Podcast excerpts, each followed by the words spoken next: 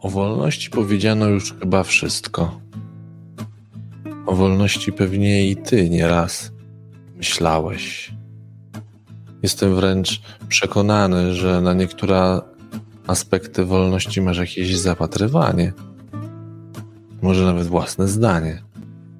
Masz, co nie? Nazywam się Konrad Gorzelak i przez chwil kilka będę głosem w Twojej głowie, Twojej wolnej głowie.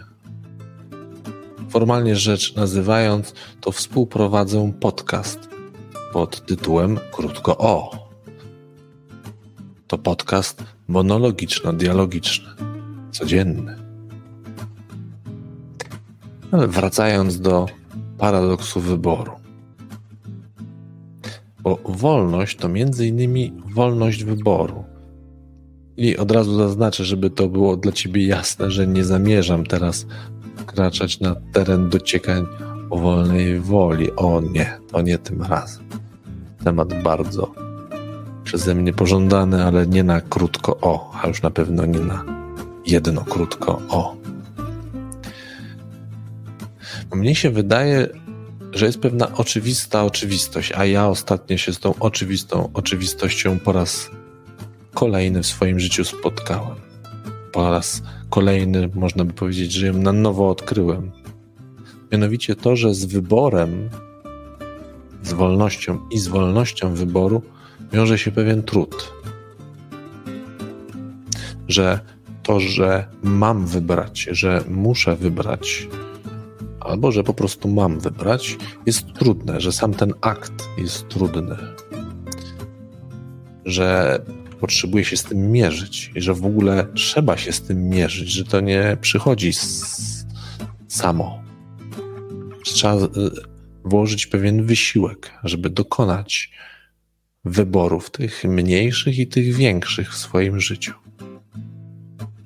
Taką oczywistą oczywistością, którą tak jak wspomniałem, odkryłem na nowo, czy też zetknąłem się z nią na nowo, to również to, że nie zawsze jest tak samo z tą wolnością wyboru. To znaczy, że nie zawsze mam taką samą gotowość, aby się z tym, z tą możliwością mierzyć.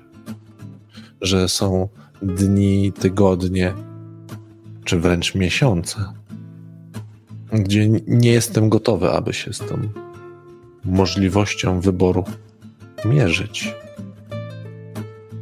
tu nasuwa się kolejna refleksja, że są społeczności, narody, które na wiele lat zrezygnowały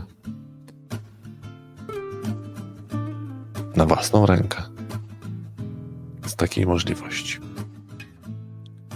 Więc trud, potrzeba mierzenia się i, nie, i stan nie zawsze bycia w gotowości to takie nieoczywiste, oczywiste odkrycia, o których dzisiaj postanowiłem się podzielić z Tobą w krótko o.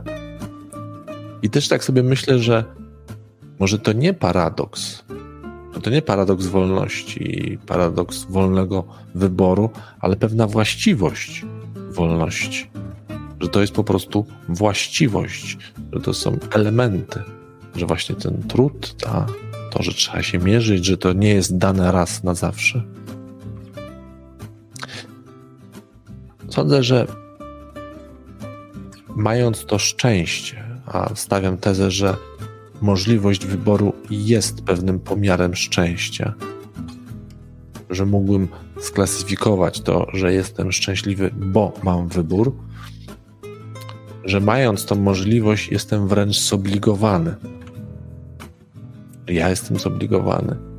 Być może również ty się czujesz zobligowany do tego, aby wziąć odpowiedzialność za ten wybór. Bo powiem ci tak czysto po ludzku, to ja czuję się zawstydzony, gdy tej odpowiedzialności nie biorę. Po prostu mi wstyd, że nie korzystam z tej możliwości. Nawet jak sobie pewnym pobłażaniu powiem: OK, nie byłeś gotowy. Nie miałeś sił, ale to wciąż wstyd pozostaje. Nie chcę się wstydzić. Chcę brać tę odpowiedzialność to kolejne odkrycie.